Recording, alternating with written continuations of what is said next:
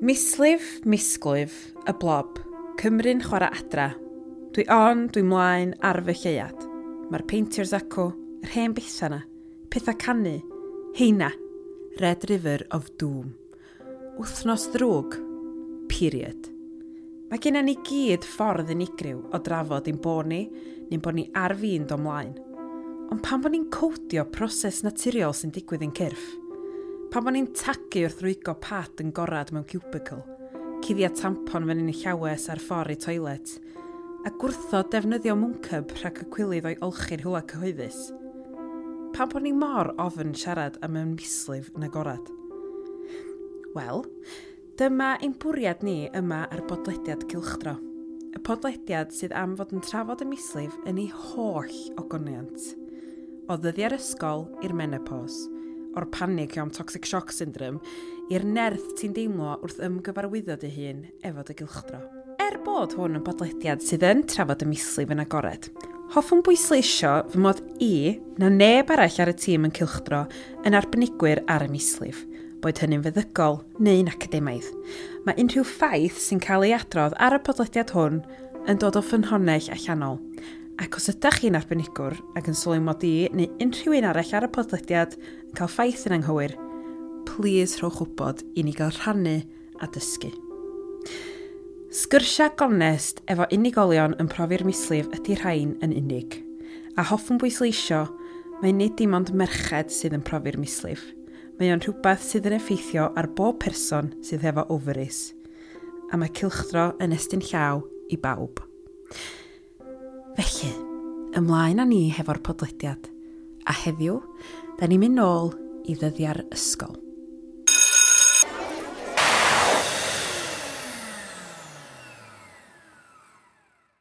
Dwi'n cyrraedd mewn i toiled a mae yna tua 6 neu 7 um, person yn sefyll yna. A wedyn, os fi eisiau mynd yna i effa checio mirror yn y sydyn, mae yna trin ista ar y sink. A wedyn, um, os dwi eisiau mynd i gochyd wyla fi, mae yna baguette yn y sink, neu fa pethau bach yna. A wedyn, os dwi eisiau mynd i toilet, dwi'n mwyn gallu, achos mae yna tua saith person yn y disabled toilet yn sefyll yna, yn bita crisps. A wedyn, um, pan dwi actually eisiau mynd i toilet, dwi ddim yn gallu achos mae yna a fa pobl arach yn sbio drost. A mae'n really dirty, mae budur a mae'n afiach. A mae'n jyst a fa pethau ar efo. A mae'n jyst a fa i. Mae'n oglan afiach. Fo jyst ac stinky. A fa. Sana, gwyb. Traed. Fo jyst... Mm. Mae'n ogla fa... Um, a fa vapes, really. A Fa... Um, Mae'n meddwl bod nhw'n galad i gyd achos maen nhw'n feipio, ond wedyn pan maen nhw'n ceir a pasio, maen nhw'n goffa strawberries, a dydyn maen adio fyny, really. A wedyn, um, ia, yeah, fe jyst effa. Dyma goba. Oh, ah, toiledau'r ysgol. Sa'n unlla'n eisiach nag oes?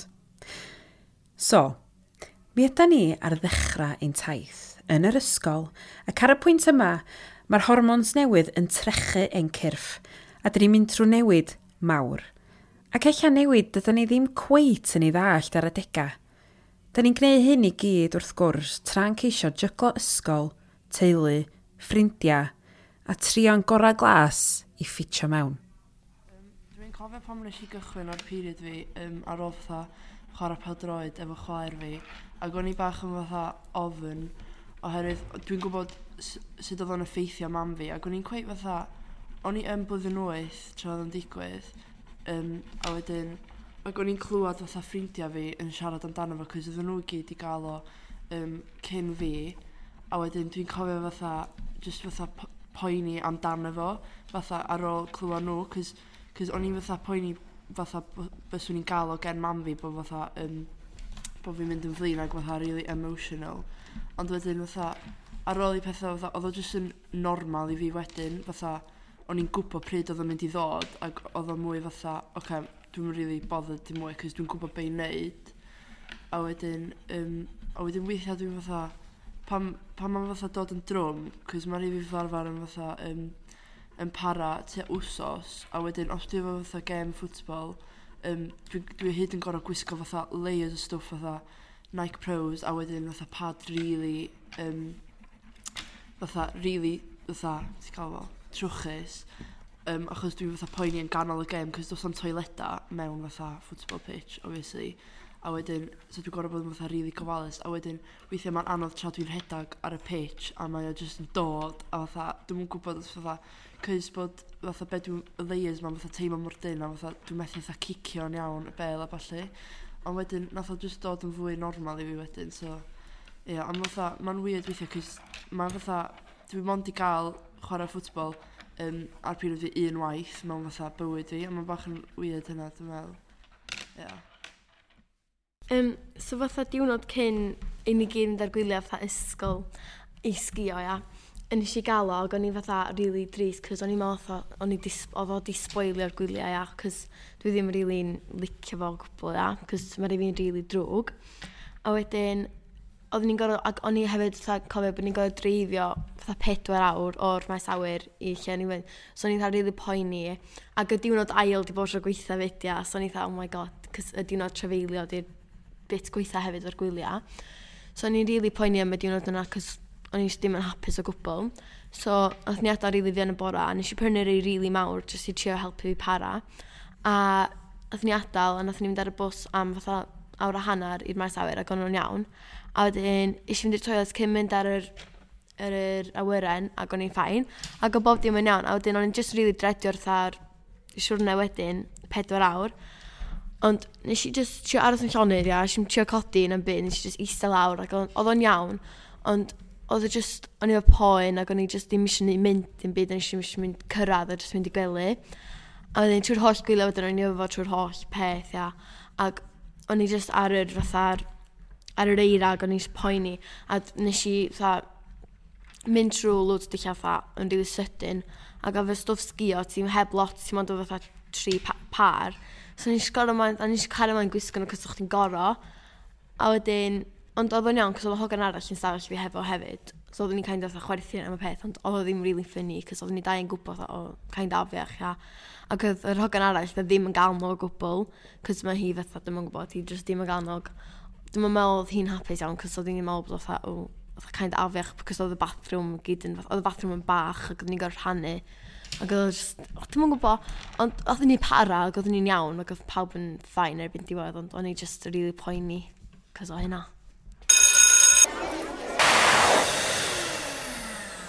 Chydig o nosau nôl, nes i roi galwad allan ar fy Instagram yn holi am wahanol brofiadau gan bobl sydd wedi cael periods. A nes i ddychryn efo gymaint ohonoch chi nath gysylltu. Pobl wirioneddol eisiau rhannu profiadau nhw am eu mislif, ac yn teimlo'n angerddol am chwalu tabw a jyst trafod yn agorad. Un o'r bobl nath gysylltu oedd Arddin Rhiannon. Ella bod rai o'na chi wedi clywed am Arddin neu'n dilyn i blog chi, hel meddylia. Cafodd iechyd meddwl Arddin ei effeithio yn ystod ei chylchdro hi, ac yn ystod yn sgwrs ni heddiw, mae Arddin yn rhannu sut nath y pil ei helpu hi ymdopi efo'r teimladau a'r hormona. Diolch yn fawr Arddin am ddod i sgwrsio fo fi heddiw.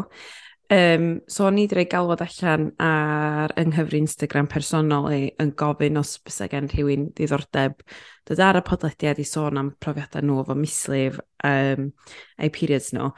A nes di yr un neges um, nath o'n i'n gallu uniaethu efo fo'n syth achos oeddech chdi'n sôn am dy brofiadau di yn ystod arddegau di, pa mor anodd ydy bywyd o ddydd i ddydd pan pan wyt ti um, ar dy buriad. Um, a bod o'n eitha tabw a bod o'n rhywbeth dyn ni ddim really yn sôn amdano fo. A felly oedd y sgwrs yma heddiw, o'n eisiau siarad efo chdi, achos o'n eisiau ymlaethu ar yr neges greiddiol nes di yrru fi. Um, so wna i ddechrau o'r dechrau a sôn am dy brofiad cyntaf di falle yn cael dy buriad cyntaf di? So, o'n i'n ifanc iawn yn cychwyn uh, mislif. O'n i'n 11, o'n i just cyn gadael ysgol gynradd. So, so pan ti'n meddwl peth, mae 11 mor ifanc i ddechrau rhywbeth mor fawr.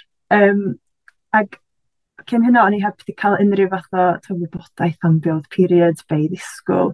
Achos, to, i fod yn deg, o'n i'n ifanc iawn, ac efallai so ti'n mynd disgwyl cael fath o wybodaeth yna tan ti'n 13, efallai, 14, dyna'r falla'r average mewn quotations uh, oedran ti'n cychwyn period. Um, ond nath o'n... So nes i gael y mistyr cyntaf yn ar ddeg, ond nath o'n dod mewn i ryw batrwm regular tan o'n i ryw 13-14. Dyna pryd nath o gychwyn go iawn, dweud. Um, a dyna pryd nes i ddechrau cael poena um, bob mis. Um, dechrau fo bach o cramps yn y cychwyn, a wedyn wrth i'r misoedd fynd ymlaen, athyn nhw'n waith. Um, o'n i'n cael poena uffernol um, bob mis. Fysa, yn amharu ar bywyd dydd i ddydd, um, swn so i'n gorau cymryd dyddiau off ysgol.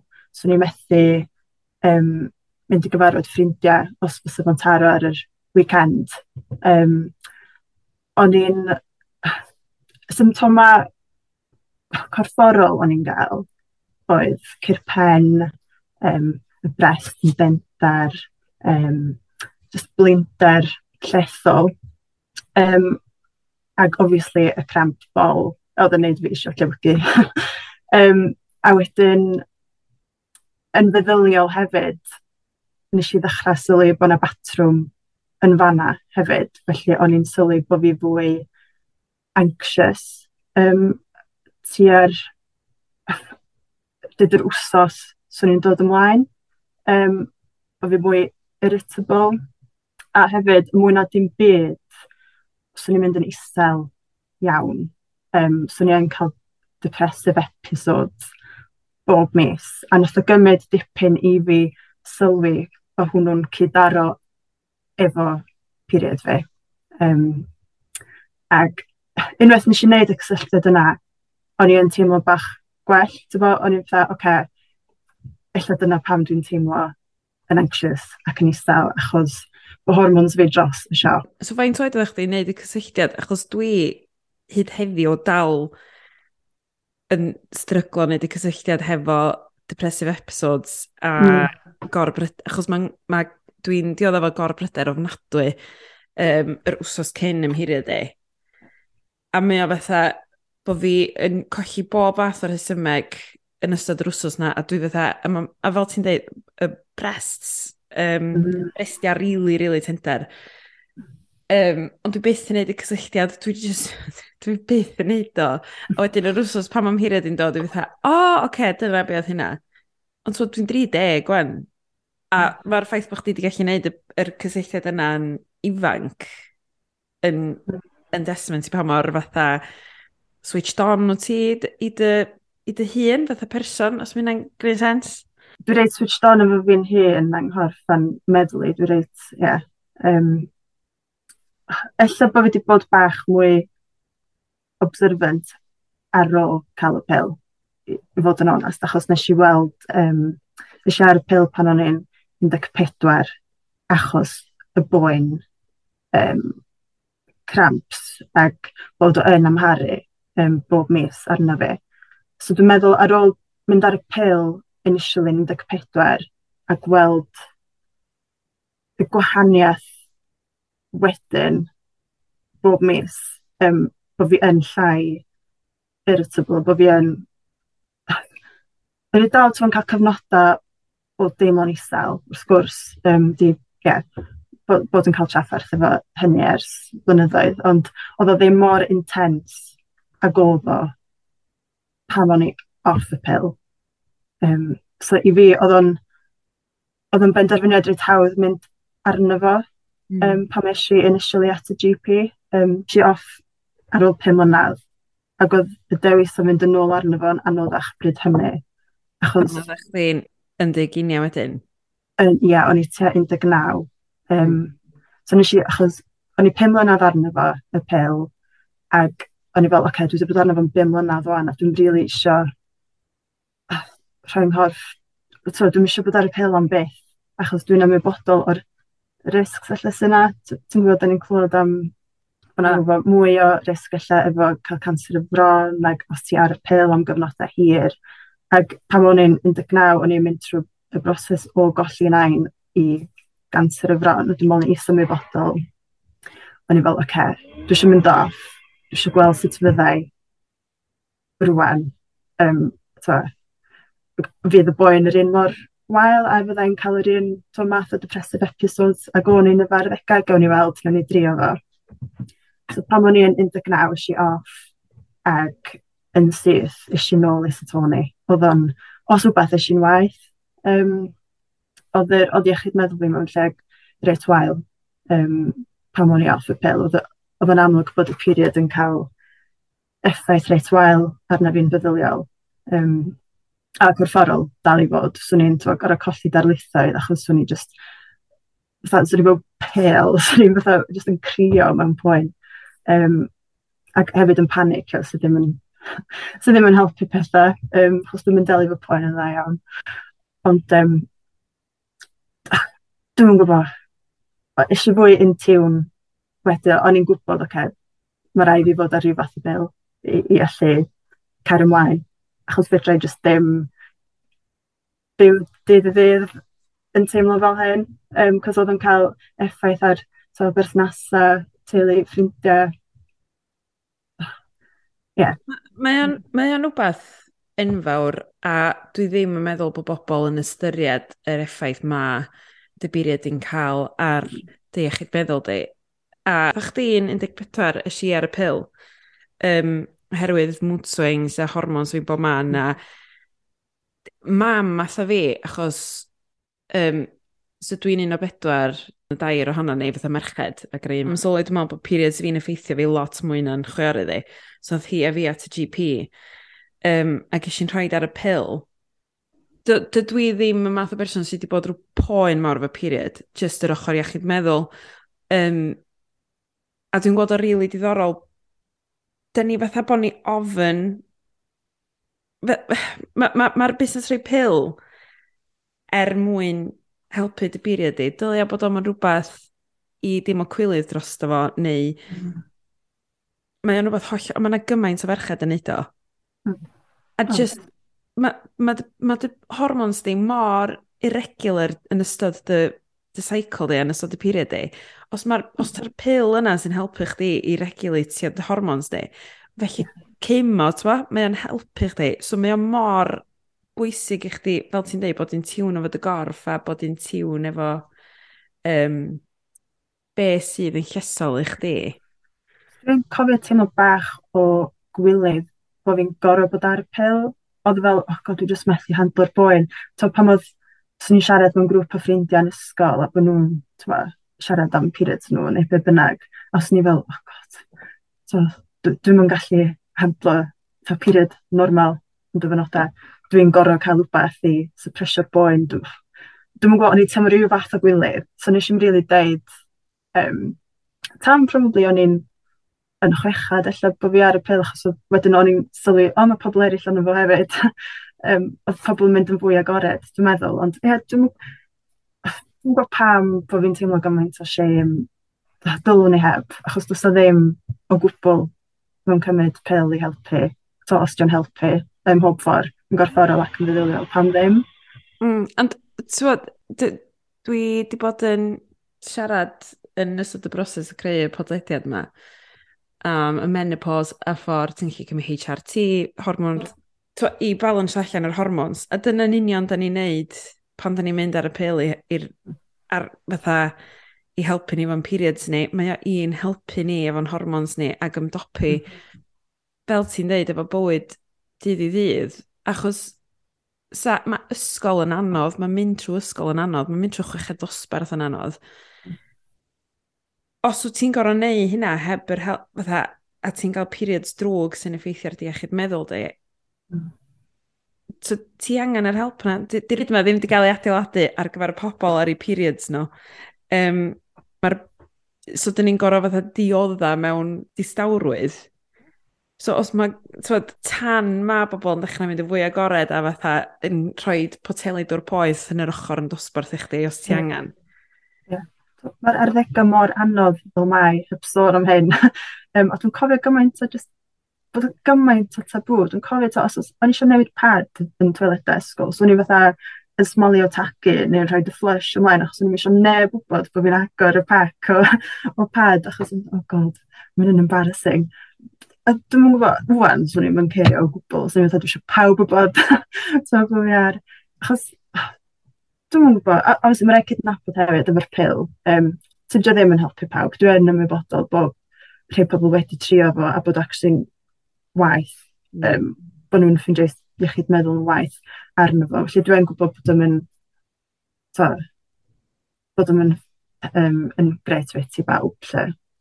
Ond, um, Ond yeah. mae'n hawl gan bob person i ddeud, so dwi wedi ffeindio hyn efo pobl, um, mae gen ti hawl i drio gwahanol pils mm. i weld yr un sy'n siwtio dy gorff di. Yeah. So os ti yn stryglo a ti'n, ti eisiau help, mae gennych chi berffaith hawl i drio gwahanol fath o pills um, efo dy GP di i ddeud pa un sy'n siwtio dy gorff di fwyaf, achos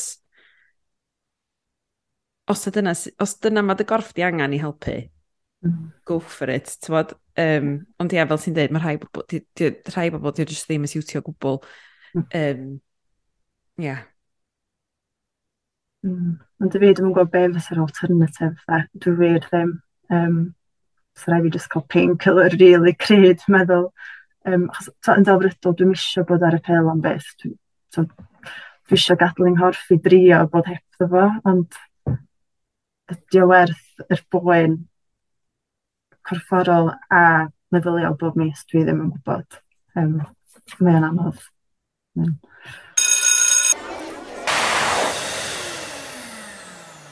Dwi wedi bob tro bod, bod yn person sydd atha, ddim yn gallu agor fyny ers atha, iddo fi bod yn blyn tri. Um, ag uh, es i cychwyn period fi yn blyn chwech ag fel plentyn rili really ifanc, doedd ddim yn rili'n really peth sa'n ni'n siarad amdan ag pam oedd na quarantine a bob dim, o'n i wedi methu allan o lot o ysgol ac doeddwn ni'm yn gallu dysgu amdan y corff na'n byd i fyny sex ed. Ac oedd o'n rili really anodd iddo fi fel plentyn oedd yn trio dysgu amdan fy hun. Felly, eisi gorfod um, searcho online a bob dim a is i mi fy'n gallu siarad iddo mam amdan y peth ac o'n i jyst yn rili really ofyn fel plentyn a dwi'n meddwl bod ath period fi rili really effeithio fatha meddylfyd fi fel wel, person yn blwyddyn chwech. A wedyn, um, pam nes i symud ysgol i blwyddyn saith yn 2021, dwi'n meddwl iddo. A wedyn, oedd, oedd na genod eraill wedi cychwyn hefyd, ac wedyn nes i jyst ytha dechrau siarad efo nhw amdano peth. A wedyn nes i um, finally deitha mam, ytha, ar ôl mis o bod ar fo. A wedyn, o'n i eitha, o'n i wedi teimlo fel bod o'n i'n mwy gryf fel person i gallu siarad amdano fo hefo mam. A wedyn, um, a thi sylweddoli, ydda, yli, mae hi jyst yn ofyn fel plentyn, felly dwi am bod yna iddo hi. A wedyn, ers hynny, dwi jyst i bod yn dda person rili really cryf amdan siarad amdan um, pethau a dwi dwi'n teimlo atho bod mae genod yn yr generation yma angen atho sefyll i fyny yn hynna'n a siarad mwy amdano atho misglwydd a bob dim, ond e.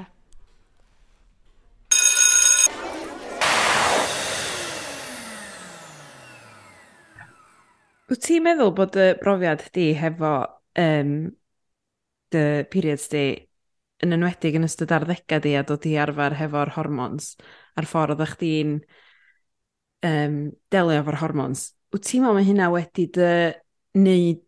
Nath hynna help dysgogi di wedyn i fod yn fwy agored am iechyd meddwl a dysbarduno hmm. di wedyn i greu um, y cyfrif hel meddyliau so dy vlog di am sydd yn ar Instagram, mae o'n le saff os i bobl gael pori drwyddo fo i ddysgu fwy am iechyd meddwl. Um, ti'n meddwl sa chdi lle wyt ti heddiw o'n i bai, os yna rhywbeth ti'n eitha diolchgar am bod, chdi, bod y gorff di wedi galluogi chdi fod mor switched on hefo iechyd meddwl? Na, bendant. Dwi'n meddwl mae'r profiadau dwi wedi gael yn y farddegau, mae y bendant di'n siapio i. Obviously, doedden nhw ddim yn bethau neis, ond dwi yn trio gweld rwan y positif allan ohonyn nhw. Mae wedi gwneud fi'n fwy ymwybodol um, illa o to, just o deimladau pobl ac neu fi mwy empathetig allai achos dwi wedi bod trwy beth fy hun yn twyd gorbydau, iselder a'r, ar poen yma a mae definitely dyn ni fi eisiau bod yn fwy agored achos yn tyfu fyny o'n i'n meddwl fi dy'r unig un sy'n mynd drwy hyn pam be dwi'n neud yn wrong, pam bod pawb arall yn gallu cario ymlaen yn normal to, a byw bywyd, pam, pam na fi sy'n yeah, gorau diodd o'r pethau yma, ond yn amlwg di hynna ddim yn wir o gwbl ac wrth siarad efo pobl wyneb yn wyneb, um, o'n i'n dod i sylwi yn reit gyflym bod to, problemau iechyd meddwl ac ati yn beth llawer mwy cyffredin um, nag o'n i'n feddwl. Um, so, ie, yeah, nes i gychwyn blogio wedyn um, pan o'n i'n 20, o'n i'n teimlo, oce, okay, dwi am roed rhywbeth allan yna, gan i weld sy'n mynd mynd, gan i weld yr ymateb mae o'n gael, and we'll take it from there. Ag um, yn syth ben, dwi'n meddwl na'r ail blog nes i oedd am panic attacks, oedd hwnna'n reit anodd i gyhoeddi, achos da ni'n mynd i glod at y bobl yn siarad am um, panic attacks yn enwedig. Ond yr ymateb ges i, oh, oedd e just yn overwhelming. Gymaint o bobl, so ti byth yn meddwl, nes o'n i'n byth yn meddwl, fysa di bod trwy brofiad fel yna, um, yn y gyrru neges ato fi yn dweud pa mor ddiolchgar oedd nhw bod fi wedi siarad amdano fo yn gyhoeddus, achos bod hynny wedyn yn helpu nhw, dim o llai unig. Um, a dyna'r holl pwynt, dwi'n meddwl. Dwi'n sgwennu am bethau swn i wedi licio darllen pan o'n i'n fawr ddega.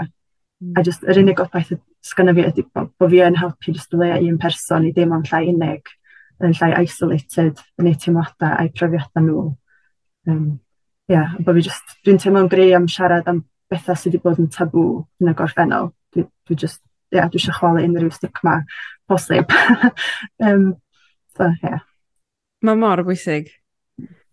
Dwi'n teimlo ti'n iawn mi, mi wyt ti yn llwyddo gwneud hynna drwy dy sgwennu di a drwy dy vlog di, a mae hynna'n anhygol o ffordd, e, mae dy resymeg di fatha am ddechrau'r blog i drio neu un person i llai unig. So dyna di'r peth fwyaf hyfryd allu di ddeud am, am fod eisiau gwneud rhywbeth. Ond tw'n ma beth ti'n siarad drafod heddiw ar ffaith bod chdi wedi gyrru negas i fi yn dweud, yli, dwi'n meddwl mae hyn dal yn tabw, da ni ddim yn sôn am y ffaith bod ni'n cychwyn period ni'n yn arddega ni, lle, a mae rhain ni'n gorau mynd ar y pil achos bod ni'n mynd allt pan bod ni'n pan bod ymddygiad ni'n newid gymaint i, i ffasiwn raddau, Sbo? Um, dim ymddygiad, iechyd meddwl ydy o fwy na ymddygiad, da. Um, mm-hmm. so, diolch gymaint am siarad, a, a diolch am dy waith hefyd, um, tîm dwi'n dwi, teimlo fatha bod y sgwrs yma'n mynd i helpu lot o bobl. Um, a yn enwedig pobl neu arddegau sydd eich yn teimlo ar goll uh, neu yn unig yn ganol um, bod, gorbryder bydda period neu be bynnag, gobeithio bod yr sgwrs yma'n gallu helpu nhw i fynd, oce, okay, lle bod fi angen mynd as GP i siarad am be allai wneud. Um, felly diolch yn fawr.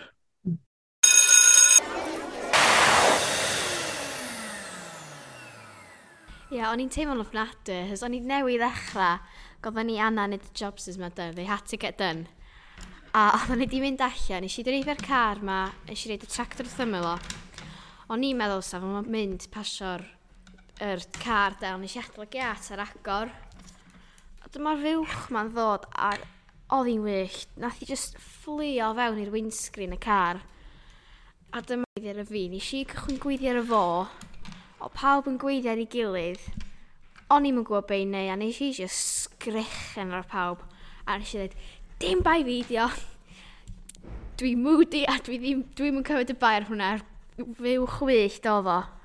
A wedyn nes i fynd adra, nes i just fewn i llofft, nes i ddwyn y chocolate i gyd, a nes i gloi fy hyn i llofft. A nes i just eista fanna, cos o'n i'n teimlo fnadwy, cos the windscreen yn shattered. A dwi'n surprised oedd y fywch ddim wedi gorau mynd i'r vet, de, oedd hi'n wyllt bost. A ti jyst yn teimlo ofnadwy, cos o'n i mor moody. A gwe, pam ti mor moody? Cos mae fond yn, um, mae'n dweud, chwech o fo, de. A ia, oedd o'n ofnadwy. Och, dwi yn lyfio'r stori yna. A tyda ni gyd ddim jyst yn wartheg gwyllt pan da ni mlaen. Dwi'n gwybod mi fyswn ni absolutely wrth fy modd yn rhedeg drwy ceia a smasho ffenestri ceir pan dwi ar ymhiriad. Dwi ddim, ond safo rili really neis cael esgus i neu weithiau. A dyna ni, dyna ddiwedd y benod cyntaf. Os da chi eisiau darganfod mwy am prosiect Cylchdro, ewch draw i'r Instagram at Cylchdro.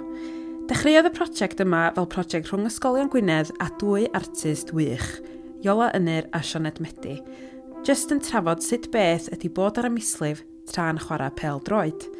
Erbyn hyn, mae'r prosiect wedi tyfu a mae'r gwaith ysbrydoledig mae Sioned Aiola wedi wneud yn mynd o gwmpas mwy a mwy o ysgolion, er mwyn chwalu tabw am y mislif, ymysg, sefydliadau a ddysg. Arwan y diolchiadau. Diolch i griw amazing Ysgol Tryfan am gytuno i drafod hefo ni. Er mwyn rhesymau gwarchod, dwi ddim yn mynd i ddatgelu enwa nhw, ond maen nhw'n gwybod pwy ydyn nhw, a da ni gyd yn ddiolchgar iawn am eu gonestrwydd nhw, ac fod mor barod i siarad ar y podlediad. Diolch i Arddyn am fod mor agored yn trafod ei hechyd meddwl a sut mae mislif hi wedi effeithio arni yn ei harddegau, ac y ffordd mae hi wedi dod i'w ffwer trwy ddod o hyd i'r ffordd orau oedd o gymad hefo'i ffuriad. Da chi wedi bod yn gwrando ar bodlediad cilchdro hefo fi, Mari Elen. Mae'r gyfres yma wedi gynhyrchu a ymchwilio gyda fi. Mae wedi olygu a'i gynhyrchu gan Dion Jones, sydd hefyd yn gyfrifol am yr holl nodweddion sain a'r gerddoriaeth. A bysa'r podlediad yma ddim yn bodoli o'n i bai am y ddwy artist ysbrydoliedig, Iola Ynyr a Sioned Medi. Diolch arbennig hefyd i Gyngor Gwynedd am wneud y podlediad yma'n bosib, ac yn arbennig i Sian Eirig. Arianwyd y podlediad yma gan gynllun urddas Mislif Llywodraeth Cymru trwy Gyngor Gwynedd. Tan y tro nesaf, mwynhewch eich mislif.